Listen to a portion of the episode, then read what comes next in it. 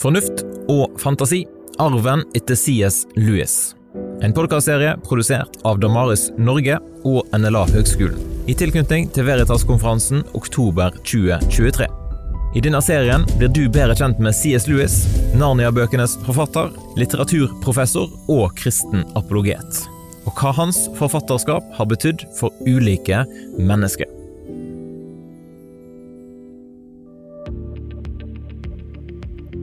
2023 er det 125 år siden den britiske forfatteren, akademikeren og lekmannen Clive Staples Lewis, bedre kjent som CS Lewis, ble født.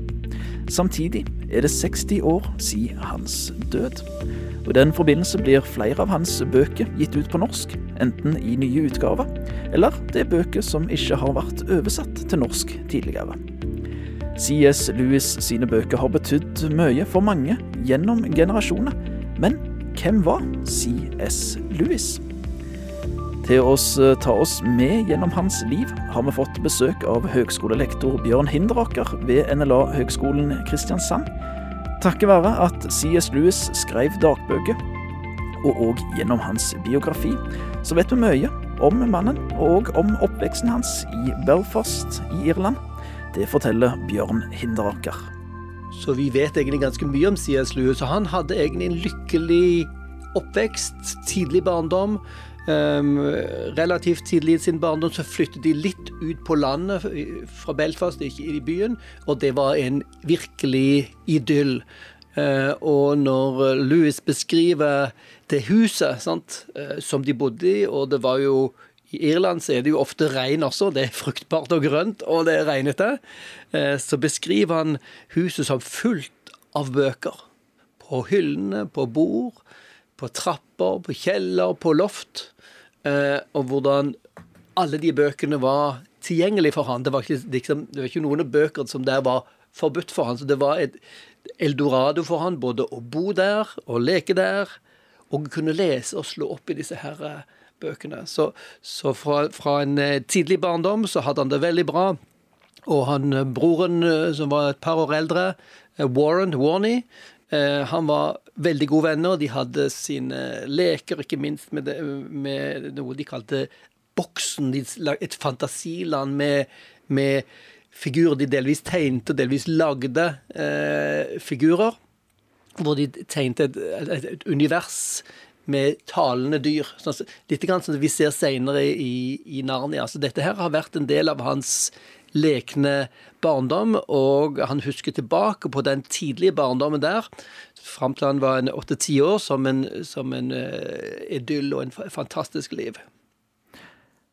Med den bakgrunnshistorien så er det kanskje ikke så rart at uh, C.S. Lewis og for så vidt hans bror Warren begge endte opp som forfattere. Nei, kanskje, kanskje ikke. De, denne interessen for litteratur sant, ble jo tidlig skapt. Og uh, foreldrene var jo begge to svært uh, begavet og hadde, hadde utdannelse, uh, som jo ikke var vanlig på den tiden. Sant? Men deres, deres, interesse for bøker og litteratur ble tidlig skapt. Og det endte jo etter hvert med at de begynte å skrive på, på ulike vis. C.S. Lewis han eh, ble oppdratt som, eh, som kristen, en kristen eh, familie. 1900-tallets Irland det er jo naturlig da å tenke at det nok var katolisismen som, som var den trosretningen som, som, han da ble oppvokst i. Mm. Det, det, var jo Han hørte til den andre siden. sant? I, vi kjenner jo til i Irland og Nord-Irland så er det denne her konflikten mellom den katolske delen og den protestantiske eller anglikanske engelske delen. Og her hørte Louis til den engelske delen og den anglikanske delen. Eh, men han var jo veldig opptatt av at det ikke skulle være fiendskap sant, mellom katolikker og protestanter fra sin barndom, men det var den andre siden, ikke den katolske irske tradisjonen, men mer den, den protestantiske som han faktisk vokste opp med. Og eh, begge hans foreldre var, var alvorlig troende mennesker. Men så tar det et eh, vendepunkt for eh, C.S. Lewis i ganske ung alder. Jeg har sett at noen tenker at det var når han var rundt en 13 år gammel at C.S. Lewis bestemte seg for å sjøl ikke være en kristen. Ja, det, det, skjedde jo flere ting i, i livet hans. Og den, den, første tingen som han kaller som den katastrofen i livet, det var som om hele verden som et, Han bruker ordet Atlantis sank under havet. Om den gamle myten om denne her idyllen av en by som forsvant ned i havet. Sant? Som vi møter fra Platon og de gamle klassikerne. Når hans mor gikk bort. Han hadde et veldig nært og godt forhold til sin mor. Um, Faren var en, en, god person, men han var ikke så veldig god på relasjoner. han fikk også de, Faren ble også deprimert når moren gikk bort. Og eh, dessverre så eh, hadde ikke han så god eh, forstand på barnet, så han sendte de bort på boardingskole, på internatskole, selv om du tryglet om å få slippe. Og både morens død, på tross av Louis' intense bønner sånt, om at hun må få, få leve, ehm, og eh, ble sendt bort på en internatskole som han opplevde som nærmest som en konsentrasjonsleir. Det var et mareritt for han.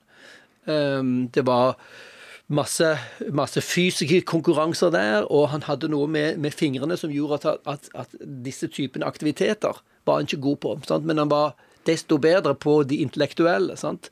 Men på den tiden, og på, i det engelske skole- og internatsystemet, så var det jo veldig stor vekt på det fysiske. Sant? En, en sunn sjel i en sunn kropp.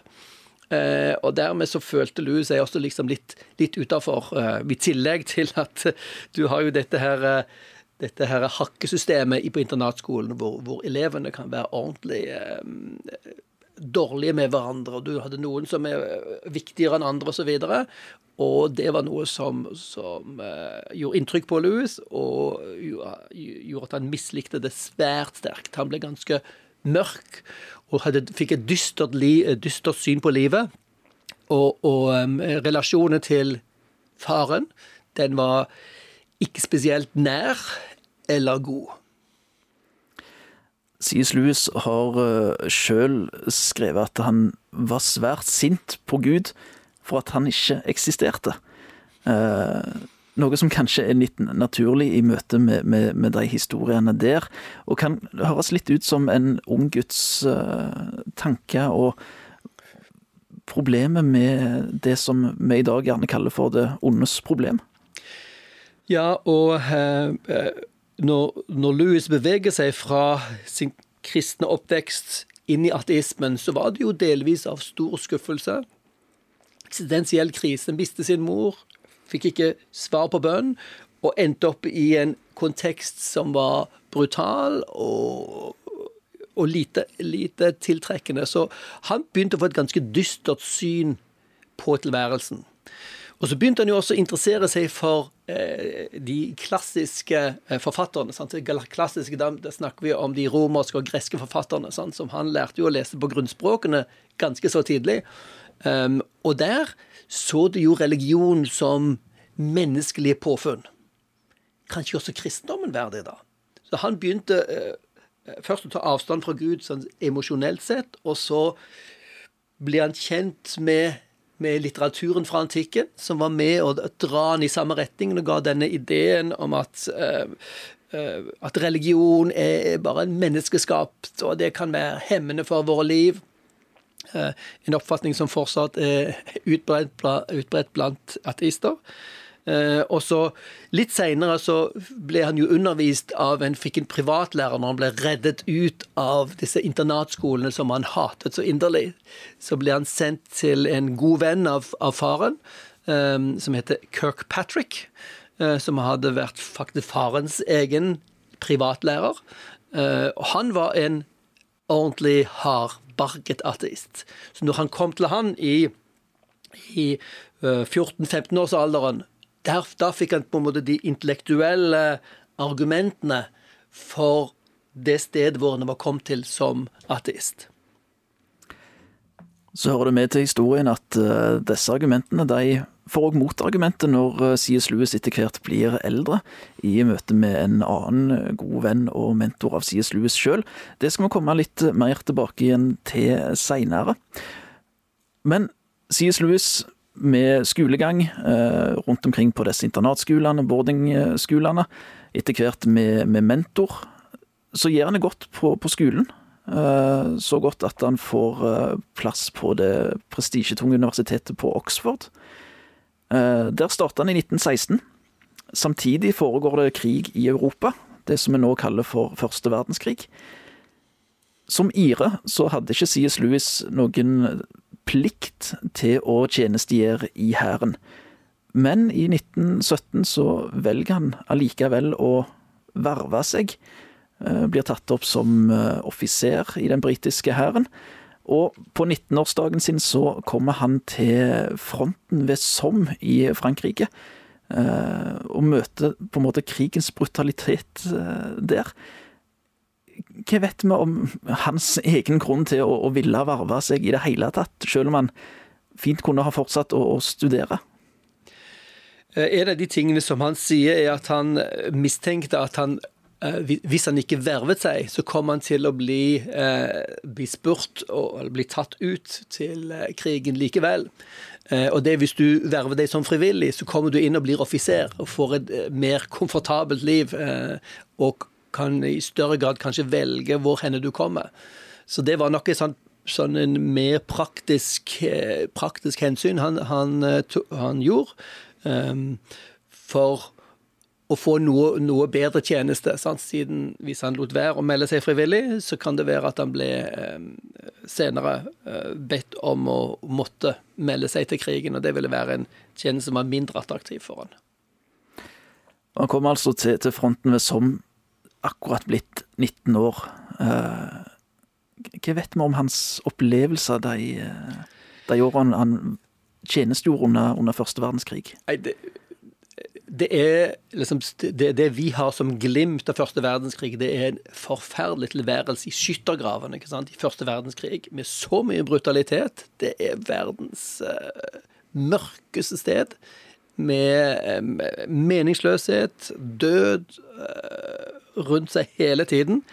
Um, og, og um, uh, Louis hadde en, en uh, bestekamerat som, som uh, var sammen, de var sammen der i krigen. Det var liksom noe som, som var et lite lys, lyspunkt for han der. Og han ble drept. Uh, og så endte det jo etter hvert med at uh, Louis sjøl ble skadet. Eh, hans eh, Sersjanten hans, eh, hans, offiseren hans, ble, ble truffet av en granat fra ens egne soldater sant, som hadde skutt feil. Offiseren døde jo, og Louis sjøl fikk, fikk eh, splintene fra granaten inni seg, så han måtte transporteres ut og ble gjort tjenesteudyktig. Um, så han reddet livet ved faktisk å bli truffet av en granat. Og det er jo så, det er jo så meningsløst. Du treffes av en granat som er sendt av dine egne. sant? Det er, det er krigens uh, store meningsløshet. sant? Men dette var med og bekreftet Louis sitt mørke bilde av tilværelsen. sant? Som meningsløs og brutal. Og så hadde han jo også dette minnet om Gud fra sin barndom, og hvor han da formulerer at han var også liksom sint på Gud for at verden var meningsløs, og tom den guden som han ikke trodde på. sant? Eh, men når man har Gud med seg i, i sin historie, så det er vanskelig å skyve han helt bort. Man, så han ligger liksom der. Og en ting som han har, har eh, skarpe anklager mot. Du nevnte så vidt òg eh, denne her bestekameraten eh, til C.S. Lewis, eh, som han, han tjenestegjorde sammen med, Paddy Moore. Som òg omkom i kamp 1918. Men Lewis hadde gitt han et løfte om å ta vare på hans familie.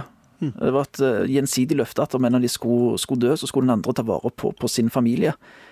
Midt i alt den brutaliteten, sies Louis sin erfaring fra barndommen, hans erfaringer her fra krigen, så lever han fortsatt opp til, til dette løftet, og, og, sånn sett mange av de opplevelsene han hadde med Paddy Moore sin familie, de kan en òg gjerne finne igjen i C.S. Lewis' seinere eh, bøker. Ja, i C.S. Lewis sitt liv. Eh, eh, både Paddy og Lewis hadde foreldre som var blitt enker eller enkemann. Um, uh, og fordi at foreldrene, hver av deres foreldre da var alene, så hadde de gått med på denne, her, denne, gjort denne pakten om at den, hvis den ene dør, så skal den andre sørge for at den andre blir ivaretatt. Og når Paddy da uh, går bort og dør i krigen, så tar Louis dette ansvaret svært alvorlig. Uh, moren til Paddy er jo 20 år eldre enn en Louis. Eh, og eh, noe seinere i livet, i Oxford, så flytter faktisk hun inn med Louis. Og de er med på å kjøpe dette huset som de etter hvert får investert i i Oxford. Så hun, eh, fru Moore, Mrs. Moore, blir en svært viktig person i CS Lewis sitt liv. Fordi han har lovet å ta seg av henne. Noe han gjør helt til hennes død på begynnelsen av 50-tallet. Så Louis tar løftene sine svært alvorlig. Du lytter til en podkast fra Petro. Vi ønsker å formidle tro, rotfestet, redelig, reflektert og relevant, slik at du blir inspirert til etterfølgelse av Jesus. I tillegg til podkaster og webradio kan du høre Petro på DAB 24-7 mange steder i landet. Så røpte vi det kanskje litt der, men C.S. Lewis han vender tilbake igjen til Oxford etter han har blitt, eh, blitt skada under andre verdenskrig og, og, etter hvert blir dimittert og, og, får komme hjem igjen. Så returnerer han til Oxford, fullfører utdannelsen sin med toppkarakterer fra et av verdens mest eh, prestisjefylte universitet. Starter etter hvert òg å undervise i Oxford. Her møter han òg eh, flere andre forfattere. En av de blir en god venn som får veldig mye å si for Louis' både forfatterskap, men òg hans vei tilbake til den kristne tro. John Ronald Rule Tolkien, eh, ofte bare forkorta til JRR Tolkien, en forfatter som vi kanskje kjenner best som forfatteren av eh, Ringenes herre-trilogien, Hobbiten, Silmarillion, eh, bøker og historier som det har blitt lagt både filmer og, TV-serier av. Hva mer er det å, å si om, om denne her Tolkien? Tolkien var jo en Oxford-professor og en av de svært eksentriske. Holdt på med sine egne ting. Eh, han eh, hadde jo sitt fag, som var språk eh, og litteratur. Men han brukte svært mye av sin tid til å skri bare skrive ting som var interessert i. å Lage disse fantasiuniverset av, av disse disse som etter hvert blir Ringenes herre. Så Louis blir svært viktig for Tolkien. For Tolkien har skrevet alle disse tingene. Louis gir tilbakemelding og ikke minst oppmuntring, som gjør at Tolkien til slutt faktisk utgjør disse herre. Hadde Tolkien holdt på for seg sjøl, så hadde han aldri blitt ferdig. Sant? Um, og, og, Tolkien og Louis blir etter hvert gode venner. Uh, de uh, har felles interesser en av Louis sine store forkjærligheter er myter og legender. Fra antikken, men ikke minst de norrøne mytene. Og eh, Tolkien og Louis de starter en klubb. Sånn, eh, klubb på, eh, på, i Oxford som de kaller kålbitere. Og det er jo kål Det er jo de som biter i kullet. Eh, og det er da fra den norrøne eh, språket og fortellingene hvor for det var så kaldt at du lå så nær bålet at du praktisk talt beit i kålbitene for å holde deg varm i den hutrende kulden. Og så var dette da eh, navnet på denne lille klubben, hvor det var et opptakskrav at du faktisk kunne norrønt, snakke norrønt og lese dette her. Eh, og så leste de disse her eh, sagaene og Edda. Eh, og det var en ting som var svært viktig for både Louis og Tolkien. Du ser en del av disse typene motiver og fortellingene både hos Tolkien sine fantasiuniverser, men også hos, hos C.S. Lewis. Uh, og Begge de to blir svært viktige for hverandre og, gir hverandre tilbakemelding på, på bøkene som, uh, som, de etter hvert uh, kommer til å skrive.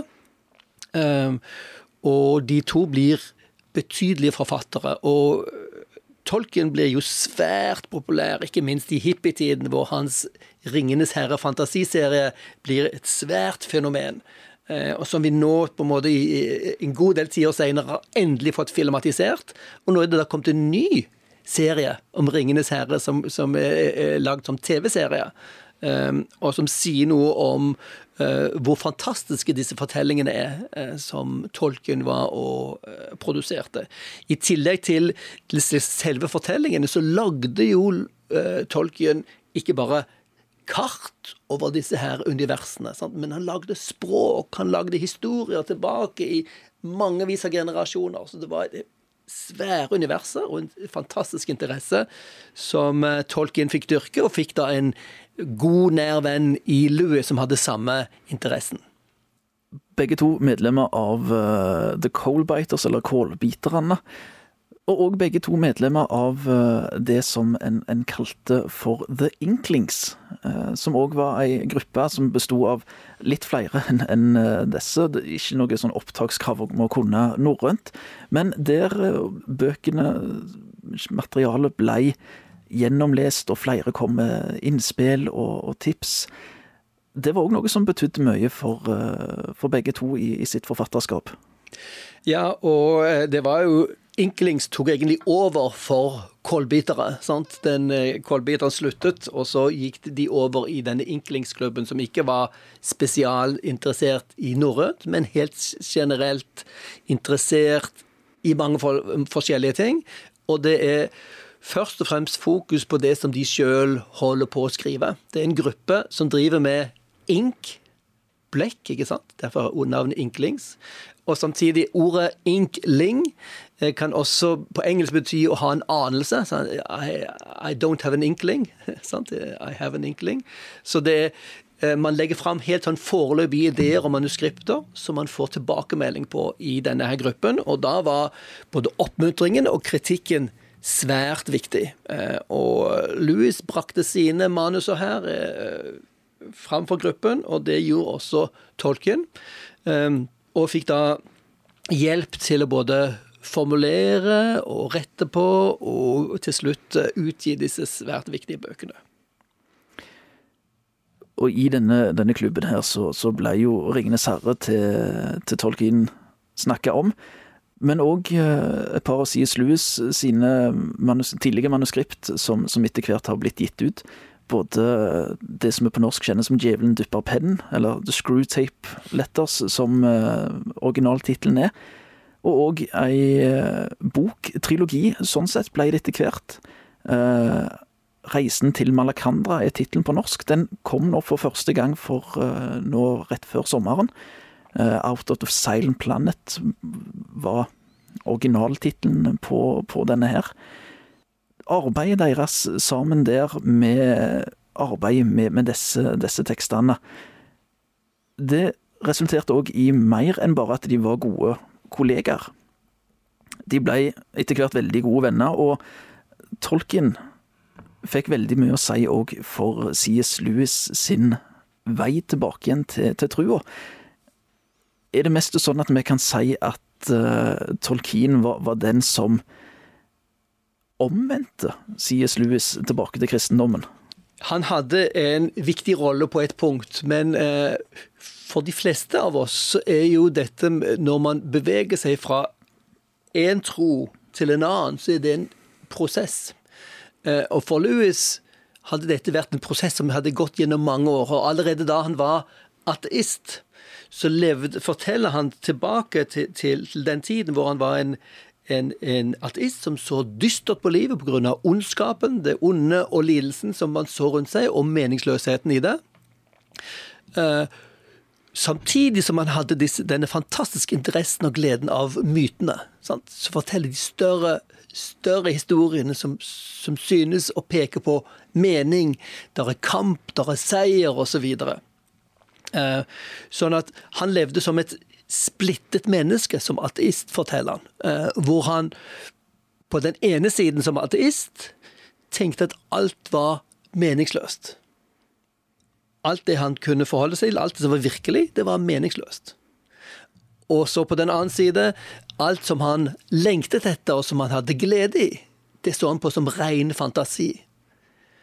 Um, og det skapte en slags indre splid hos han, sant? Hvor, hvor lengslene hans var et annet sted enn den mørke tilværelsen. Um, etter hvert så, så, um, så begynte han også å reflektere kritisk over sin ateisme. så at hvis du tenker gjennom ateismen, eller, eller, det vi kan kalle en materialisme, hvis du ser for deg at du selv er bare produkt av tilfeldighetene, og til og med din hjerne og din tanke er et naturprodukt, ja, så det er ingen grunn til å stole på den. Så Det er et sterkt argument mot at materialismen kan være sånn. Det må finnes noe mer. Eh, også moralen som du møter i, han, i den eh, boken 'Me Christianity', eller 'Se det i øynene', eh, det at vi tenker det må finnes noe rett. I hvert fall tror vi det finnes noe galt, og da må det være en standard for rett og galt. Den intuisjonen, den samstemmer med tanken om at det finnes noe mer enn bare denne materien. Så alle disse tingene gjorde at han etter hvert mistet troen på ateisme som fullstendig forklaring. Og så endte han opp eh, etter hvert til å tenke det må finnes noe mer. Det er en, som, som det man kaller en idealist trodde at ideene er, finnes i tillegg til materien. Eh, ideene kanskje til og med primære. Eh, fornuftene kommer forut for materien. Og så endte han opp som det man kan kalle en panteist også. Han eksperimenterte og reflekterte over kanskje det guddommelige finnes inne i alt. Kanskje tilværelsen har en, bare rett og slett en guddommelig side. Det fikk han jo også utfordringer med, fordi hvis det er tilfellet, så er jo det guddommelige også ansvarlig for det onde. Eh, men så endte han opp etter hvert med troen på en, en gud og en skapergud. Uh, og der ble jo det, det, det store hinderet for han der var jo når, når Louis leste om, om, om, den kristne troen, så var det en, en tro som ikke satt pris på legender og myter, men som var liksom antimyte. Som rett og slett bare fortalte historie. Um, og det var et stort hinder for han, for Louis elsket mytene og trodde at de sa noe viktig om virkeligheten. Og så her hadde vi en religion, den kristne troen, som synes å være på kollisjonskurs med mytene. Og det var der tolken hjalp han. Louis har, har sjøl skrevet at han kom uh sparkende og skrikende inn i, i kristendommen. En kan jo tolke det som at det, det var noe motvillig. Han uh, kom til den bekjennelsen om at, at det var dette, denne religionen som var den rette, og som, som han da måtte, måtte tro på. Ja, det, det, er jo, det, er jo, svært interessant. Han, han ønsket ikke å ha noe med Gud å gjøre, og det var en ting som han uh, tenkte svært tidlig i livet sitt. Livet ville han ha for seg sjøl, han ville ikke ha noen innblanding. Eh, og eh, det som man også opplevde under eh, første verdenskrig nede i skyttergravene, var jo en ting som gjorde at han Det var visse ting han ønsket å holde fra livet, holde ute av sine tanker, nemlig den skrekkelige tingen og ondskapen han så nede i skyttergravene, men også det å holde Gud unna livet sitt. Han ønsker å ha livet sitt i fred, vil ikke ha noen til å blande seg inn. Så derfor, når han intellektuelt sett kjente han ble skjøvet tankemessig i retning av troen på at det må finnes en gud, så var det som om han fighta mot det. Sant? Men intellektet hans drav, drev han til det så, på en sånn måte at, at han eh, følte at det, er sant. Og dermed var det ikke som om han først fremst lengtet etter Gud, han om det uh, sier at Mennesker snakker ofte om menneskets lengsel etter Gud. Men for Louis gjelder det mer som musens lengsel etter katten. Han så Gud som en stor trussel for livet, men der han var kommet intellektuelt sett, så kunne han ikke lenger nekte for Guds eksistens. Dermed så, til slutt, en, en dag, så overga han seg til denne guden som, som hadde som han opplevde hadde vært på jakt etter han. Sant? Så da måtte Louis bøye seg for erkjennelsen av at ja, du finnes, eh, og at du også er eh, min, min Gud og min Herre. Mye av, av hans motvillighet til, til, den kristne tro var, som du sa, kollisjon mellom uh, mytene som han var så glad i, og, og kristendommens uh, syn på myte i så måte, men at det var Tolkien som på en måte hjalp han til å, å se at dette her egentlig ikke var noe problem som sådan. Hva vet vi om disse argumentene, og disse samtalene mellom de to på akkurat dette temaet? Jo, eh, det vet vi fra eh, dagboknotatene eh, til, til Louis. Og det er faktisk en, en helt spesifikk kveldstur ut forbi det colleget som Louis jobbet på, som heter Maudlin. Det skrives Magdalene. Magdalena, men det, i Oxford, sære som de alltid er, så kaller de det The Maudlin College. Colleget har som en del av sin eiendom en svær, en svær inngjerdet ja, jorde med rådyr på. Hjort som går fritt. Eh, og rundt denne her store parken så går det noe som kalles Addisons Walk, en, en gangsti.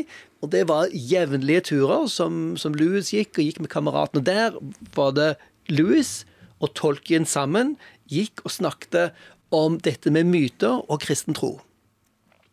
Og det som var det springende punktet for Louis, som da hadde sett på, på, på mytene som, som, det som var hans, representerte hans lengsel og troen på at det finnes noe dypere, og den kristendommens forkastelse av myten, mytene.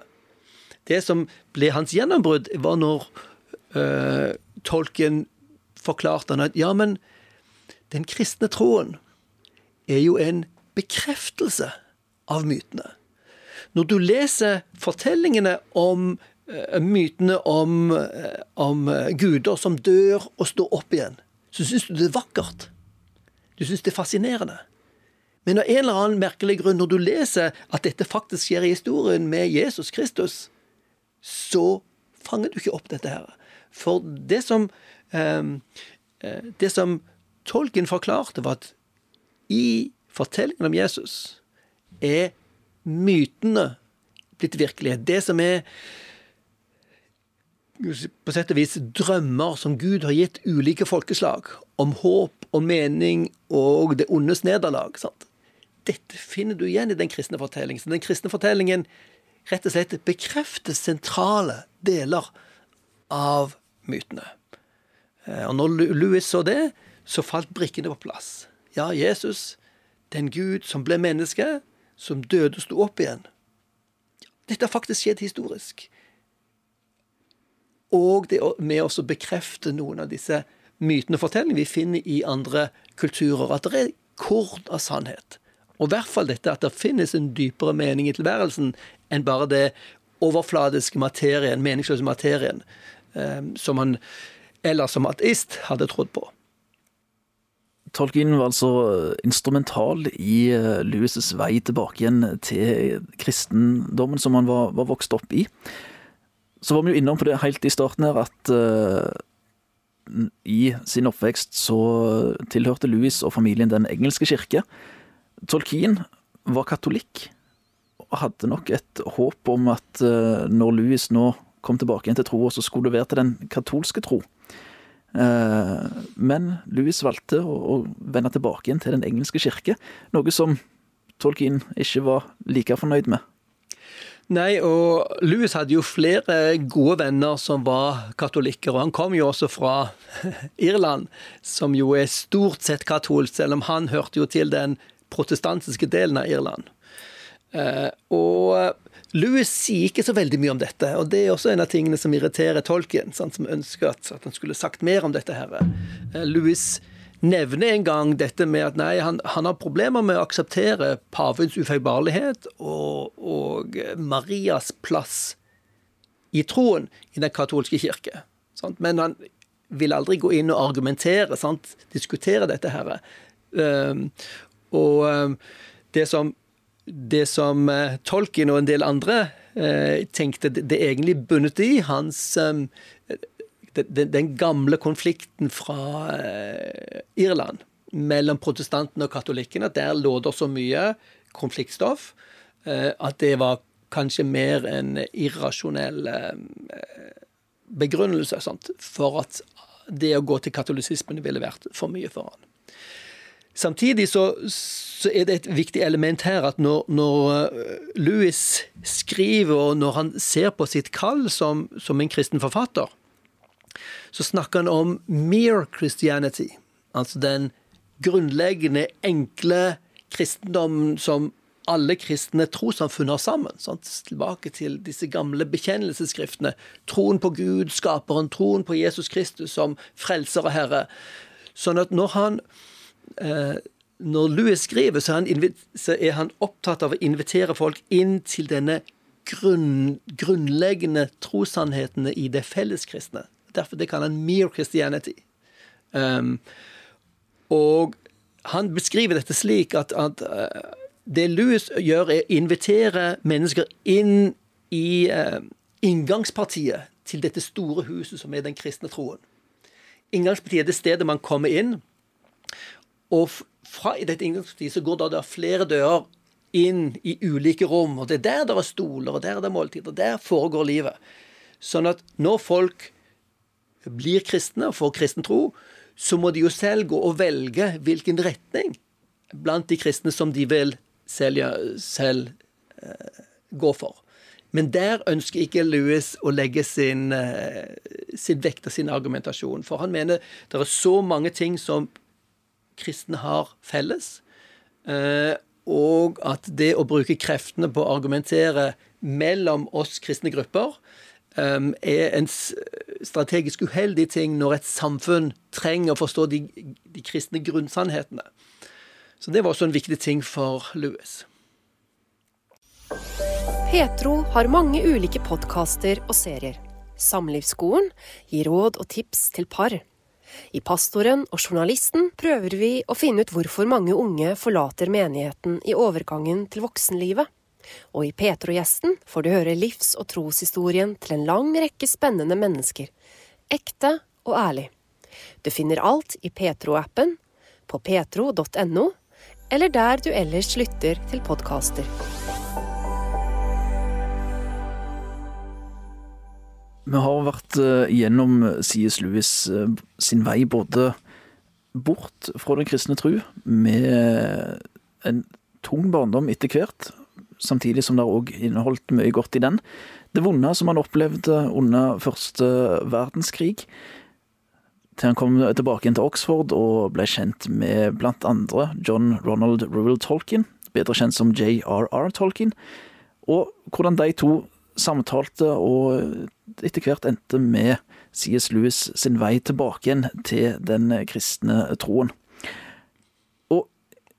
veldig mye av C.S. Lewis sin, eh, sine verk, sine forfatterskap, de har blitt til etter at han eh, blei en eh, kristen. Han var forfatter av både sakprosa og av skjønnlitterær litteratur. Hans kanskje mest kjente verk er jo historiene om Narnia. sju bøker ble det i, i denne serien, om denne fantasiverdenen med som inneholder mye forskjellig.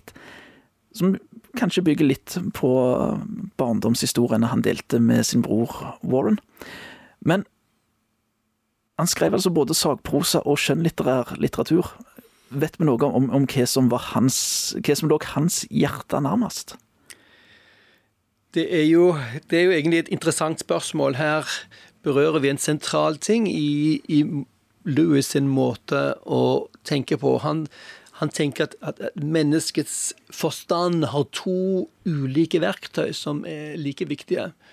Um, det ene er reason, fornuften, som analyserer ting og kategoriserer ting.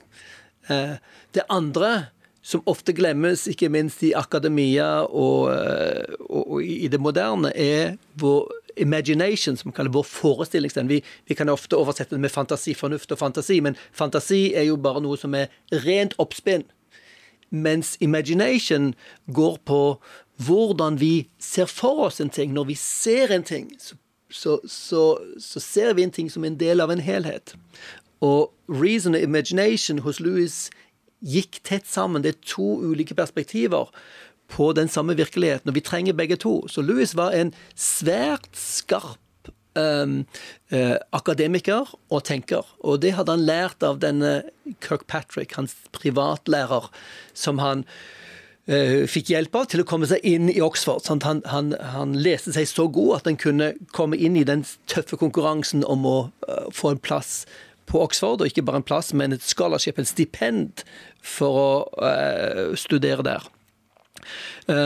Mens Louis hadde samtidig den svære interessen for fantasien, ikke sant. Uh, og det, den, denne, den, dermed har han en unik evne både til å analysere ting, se analyserende kritisk på ting, og samtidig bruke ord og begreper sant, som gir oss nye forståelser. Og dette kombinerer han i både sakprosaen, hvor han skriver analyserende skarpt, og samtidig bruke et språk som hjelper oss å gripe og forstå dette her. Eh, og i, eh, i hans eh, fantasy-litteratur, som er type 'Djevelen dypper pennen' og science fiction-trilogien og Narnia, så er det fantasi, men det er ikke en fantasi som bare løper løpsk men som er sterkt preget av Louis' egen måte å tenke på. Det ser du i dialogene som er der også, hvor det er kritisk refleksjon om kan vi stole på dette, hvordan vet vi en ting er sant, eh, hvem blir lurt av hvem, eh, og, og um, hvor dette er et svært viktig, svært viktig element. Louis sin sakprosa er svært preget av hans evne, hans forestillingsevne til imagination, til å bruke språk og begreper og fortellinger og illustrasjoner som hjelper oss å se ting.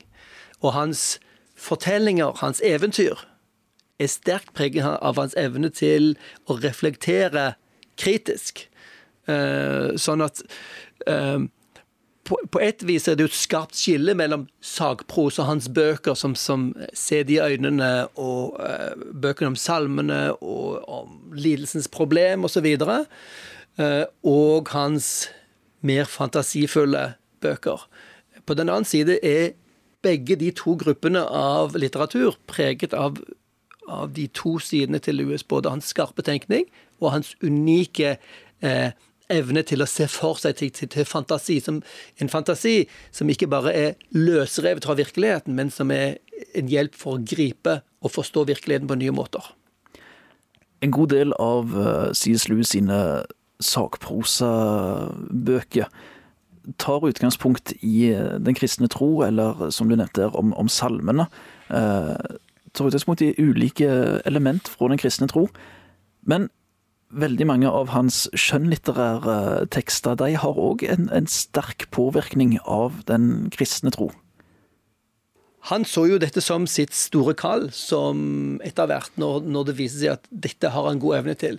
Det så han det som sitt kall å hjelpe mennesker både til å oppdage kristen tro, både de som ikke kjenner han fra før, og de som allerede er kristne, til å se den på nye måter gjennomgående i de skjønnlitterære tekstene så er, ligger Louis sin hensikt om å forklare kristen tro. Den ligger under, og det er faktisk svært tydelig. Uh, uh, leser du, du 'Djevelen dypper pennen', f.eks., det er jo egentlig en andaktsbok opp ned, uh, snudd motsatt vei. Eh, men også Narnia-serien har jo svært klare elementer av kristen tro. Ikke minst denne rollen som Aslan gir, denne frelsesskikkelsen som dukker opp, og, og svært mange andre elementer i, uh, i Narnia-serien er, er, avbilder av den fortellingen som Louis tror er sann, nemlig fortellingen om Guds skapelse, Guds kamp mot det onde, og hans endelige um, løsning og gjenopprettelse. Sant? De finner vi igjen, og masse enkeltbiter også i fortellingene som har klare referanser til hans kristne tro. Og så på den andre sida, med, med, hans mer sakprosaretta bøker, så er det mye det som vi, vi kaller for apologetikk, eh, som, som kommer, kom fram. Med hans egen historie, med, med kampen med det, med det ondes problem og hans opplevelser, så er det kanskje ikke så rart at uh, han tenker en del på dette her og skriver en del om uh, både den problematikken, men, men, andre av de mer apologetiske temaene. Ja, og en av de, en av de uh, tidlige bøkene som, som ga han gjennombrudd, var jo denne 'Se de øynene', se boken, som opprinnelig var en serie på BBC under andre verdenskrig. Eh, noen hadde forstått at Louis var en, en, en som kunne formidle til vanlige folk. Han var akademiker, men hadde en evne til å formidle folkelig. Og han ble da invitert til å ha radioforedrag. eh, og denne boken, Se det i øynene, er rett og slett eh, fra manuset til disse, som er riktignok tilpasset bokformatet. Um, og, og, det er jo interessant at hans presentasjon av kristen tro Han begynner ikke med å forutsette et kristen tro som sann, men han innleder boken med, med en refleksjon om hvordan, hvordan vår intuisjon om rett og galt, hvordan det peker mot en gud. Og hvis Gud finnes, ja, så har vi en utfordring, nemlig at vi står ansvarlig overfor han, og da er vi da trenger vi en løsning på dette, hvordan da forteller den kristne troen. Så, så um, Se det i øynene tar utgangspunkt i det ondes problem sant? under annen verdenskrig, hvor det var veldig tydelig, og var et argument for, for det første Guds eksistens, og så for det kristne bildet av Gud, og så den kristne fortellingen om Gud som ble menneske i Kristus, og inviterer verden tilbake til seg. I år hadde C.S. Lewis blitt 125 år, hadde han fortsatt levd. Det er samtidig 60 år siden han eh, gikk bort. Mange av hans bøker de er 70-80 år gamle, men er fortsatt aktuelle, både av de skjønnlitterære verkene og sakprosaverkene. Hva er grunnen til at, at eh, det han skrev da på 40-50-tallet fortsatt er aktuelt i 2023? Eh, jo, det, det, er jo flere ting. og Det ene er jo at han er svært god til å skrive. Sant? Han er svært god til å formulere seg, og han er svært god også til å tenke klart. Disse tingene går sammen i han. Eh, og det er en, en ting som gjør en mulig at, at, den verdien av det han skriver, er varig. Men det er jo også, også noe med hans egen historie. Sant? Han er en person som har sett tilværelsen fra to ulike sider. Sånn, det at han i så mange år var en ateist, og en ganske hard og overbevist ateist, og kommer derfra til kristen tro, det gjør at han kan forstå mange, mange moderne mennesker. Både som er frustrert over kristen tro, skuffet over manglende bønnesvar, og tror på en verden som bare materie, og kan være en hjelp for de til å oppdage kristen tro. Og så tror jeg kanskje en av de eh, unike eh, sidene ved C.S. Lewis som ikke veldig mange kan ta etter om, er, er hans evne til å kombinere skarpe argument med fantasi. Den evnen til, til å se for seg ting. Um, som jeg tenker vi har svært mye å lære av. Uh, en, av en, av oppgavene mine er jo å undervise i kristen trosforsvar, eller det vi kaller apologetikk. Uh, og her er Louis sitt unike bidrag at, at uh, vår, vårt trosforsvar trenger ikke bare være et Det skal ikke bare være rasjonelle argumenter. Vi trenger også ting som berører mennesket personlig, og da har vi menneskets forestillingsevne, det man kaller imagination, som berører mennesker. Og der er Louis egentlig mer på linje med Pascal, som var en førmoderne filosof og kristen apologet. Han sa det at eh, mennesker de hater Gud og håper religionen ikke er sann. Skal du overvinne disse og bringe de til kristen tro, må du først få de til å ønske at den kristne troen var sann. Deretter må du vise at den er sann. Så når folk ikke er interessert i dette her, og ser på dette som det største skrekken, sant? så er du nødt til å, å, å, å, få åpne mennesker og skape interesse på en ny måte. Og det gjør du ved å være kreativ. Og dermed så kan, kan vi gjennom Louis og, liksom, få syn for, for det kristne trosforsvarets to ulike tilnærminger som vi har helt fra fra den gamle klassiske apologetikken, hvor man ser på apologetikk både som en knyttet neve som gir gode argumenter, ikke som er aggressiv, men som kan slå fast ting, og den åpne hånden, som er den kreative, inviterende, la oss tenke sammen, hva om? Eh, og der er Louis helt unik og har fortsatt et svært bidrag. Du lytter til en podkast fra Petro. Bjørn Hinderaker, du er høyskolelektor ved NLA Mediehøgskolen Gimlekollen. Underviser der i, eh, på linjene kommunikasjon, livssyn og apologetikk. Så er du òg en av de som eh, trekker trådene og er med å arrangere trosforsvarskonferansen Veritas-konferansen, som i år har tiårsjubileum. Blir arrangert i oktober på Bibelskolen i Grimstad. I år så har dere hovedtemaet fornuft og fantasi. Arven etter C.S. Lewis. Nå har vi gått gjennom mye av C.S. Lewis sin historie. Hva er det med, med, hans historie, hans arv, som gjør at dere velger å vie en, en trosforsvarskonferanse til, til nettopp det? Det er jo på sett og vis ganske naturlig når vi har disse jubileene. 60 år siden han døde, 125 år siden han ble født. Ok, vi markerer en av de kanskje viktigste kristne stemmene sant? de siste, siste 100 årene. Eh, en av de største eh, kristne formidlerne, apologetene. Så, så det eh, i seg selv er verdt noe. Vi har satt dette temaet som fornuft og fantasi som noe vi ønsker spesielt å, å løfte fram. Vi kunne gjort mange ting fra C.S. Lewis, fordi han har så mange ulike bidrag. Eh, denne gangen så ønsker vi å løfte fram aspekter ved hans formidling og hans trosårsaker som ofte ikke kommer fram. Nemlig det hans bruk av fantasien.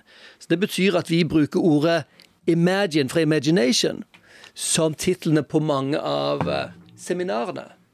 Som for eksempel 'Imagine no Christianity'. Da skal Bjørn Are Davidsen ha et seminar om hvordan hadde Norge vært uten kristendommen. Og se for seg en ting som ville være kontrast med det som, som vi ser nå. Um, imagine heaven. Hvordan C.S. Lewis tenner vår lengsel etter Guds fremtid. Det skal Tom Arne Møller Bråten ha som et seminar, og han holder på med en bok om C.S. Lewis. Uh, Imagine sin. Hvordan C.S. Lewis sin fantasilitteratur kan hjelpe oss å forstå Bibelens syndefall. Så vi har eh, en god del eh, seminarer, eh, nesten en 20 seminarer som foregår på denne konferansen, og svært mange av de berører dette med evnen til å kunne se for seg en ting. For det er det som gir en ting en mening, og så trenger vi den kritiske refleksjonen, for så å reflektere gjennom om denne meningen samsvarer med sannheten. Så har jeg et sitat her fra deg, henta fra avisa Vårt Land der du har sagt at trosforsvar ikke er et rent rasjonalistisk prosjekt, og at dette kan arven etter C.S. Lewis skape en større forståelse for. Hva, hva legger du i det? I veldig stor grad når, når vi snakker om kristen trosforhold, så tenker veldig mange på Guds argumenter eller, eller forsvar for Guds godhet i møte med lidelsens problem eller under osv. At det er mest mulig rasjonelle, logiske argumenter. Og det er svært viktig, og Louis var god på det. Eh, og, og er det noe vi trenger, så er det jo faktisk eh, klart, og klart gjennomtenkte og logiske argumenter. Men mennesker er noe mer også. Denne, eh, denne evnen til fantasi trenger vi, som Louis hadde, som både har, kan bruke eventyrfortellinger og fantasi for å åpne opp for å kunne ønske det var sant. Sånn som f.eks. Eh, Narnia-fortellingen, hvor eh, både voksne og barn som leser denne fortellingen, skulle, skulle, ønske at Aslan, denne løven, denne gode løven, at den var virkelig. Og så er Louis sitt poeng ja, den, han er virkelig, for det tilsvarer Jesus.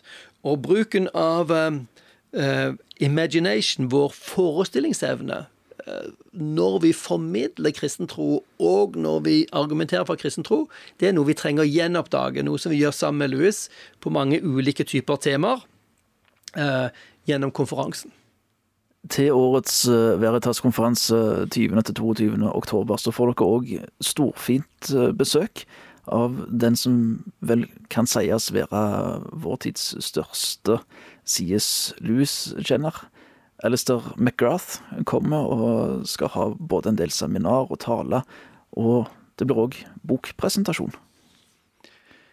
Ja, um, han er jo en av de aller fremste kristne tenkerne i vår tid. Uh, og han er Oxford-akademiker, som Louis var. Han hadde også noe av samme bakgrunnshistorien som Louis. Både kommer fra Irland, var ateist når han kom til Oxford, og ble kristen se, gjennom sin tid på Oxford. Um, og han er som Louis også en, en skarp tenker, kunnskapsrik, og har evne også til den populære formidlingen som Louis. Så det blir fantastisk å høre han. Um, når vi inviterer sånne talere, så pleier vi også å oversette uh, Bruke anledningen til å oversette en av de bøkene som vi tenker kunne være svært aktuelle og selge godt. Uh, og den boken vi oversetter til norsk fra han, heter 'Born to Wonder'. Hvordan menneskets undring er en vei inn til å kunne utforske de store spørsmålene, og hvordan disse spørsmålene da kan lede til slutt til den kristne troen. Igjen er det disse temaene inspirert av C.S. Lewis om menneskets undring og spørsmål eh, som blir veien til å presentere den kristne troen. Det er Bjørn Hinderåker, høgskolelektor ved NLA-høgskolen Kristiansand, som har tatt oss med gjennom eh, CS Lewis sitt liv og forfatterskap, og som òg fortalte om årets Veritas-konferanse, som arrangeres 20. til 22. oktober ved Bibelskolen i Grimstad. Mer informasjon om denne konferansen finner du på veritasnorge.no. Intervjuer var Tollef Byrsedal. Du har lyttet til en podkast fra Petro. Flere podkaster fra oss finner du bl.a. på petro.no og i Petro-appen. Der kan du også høre radiosendingene våre 24-7. Husk også at vi sender på DAB mange steder i Norge. Vi høres!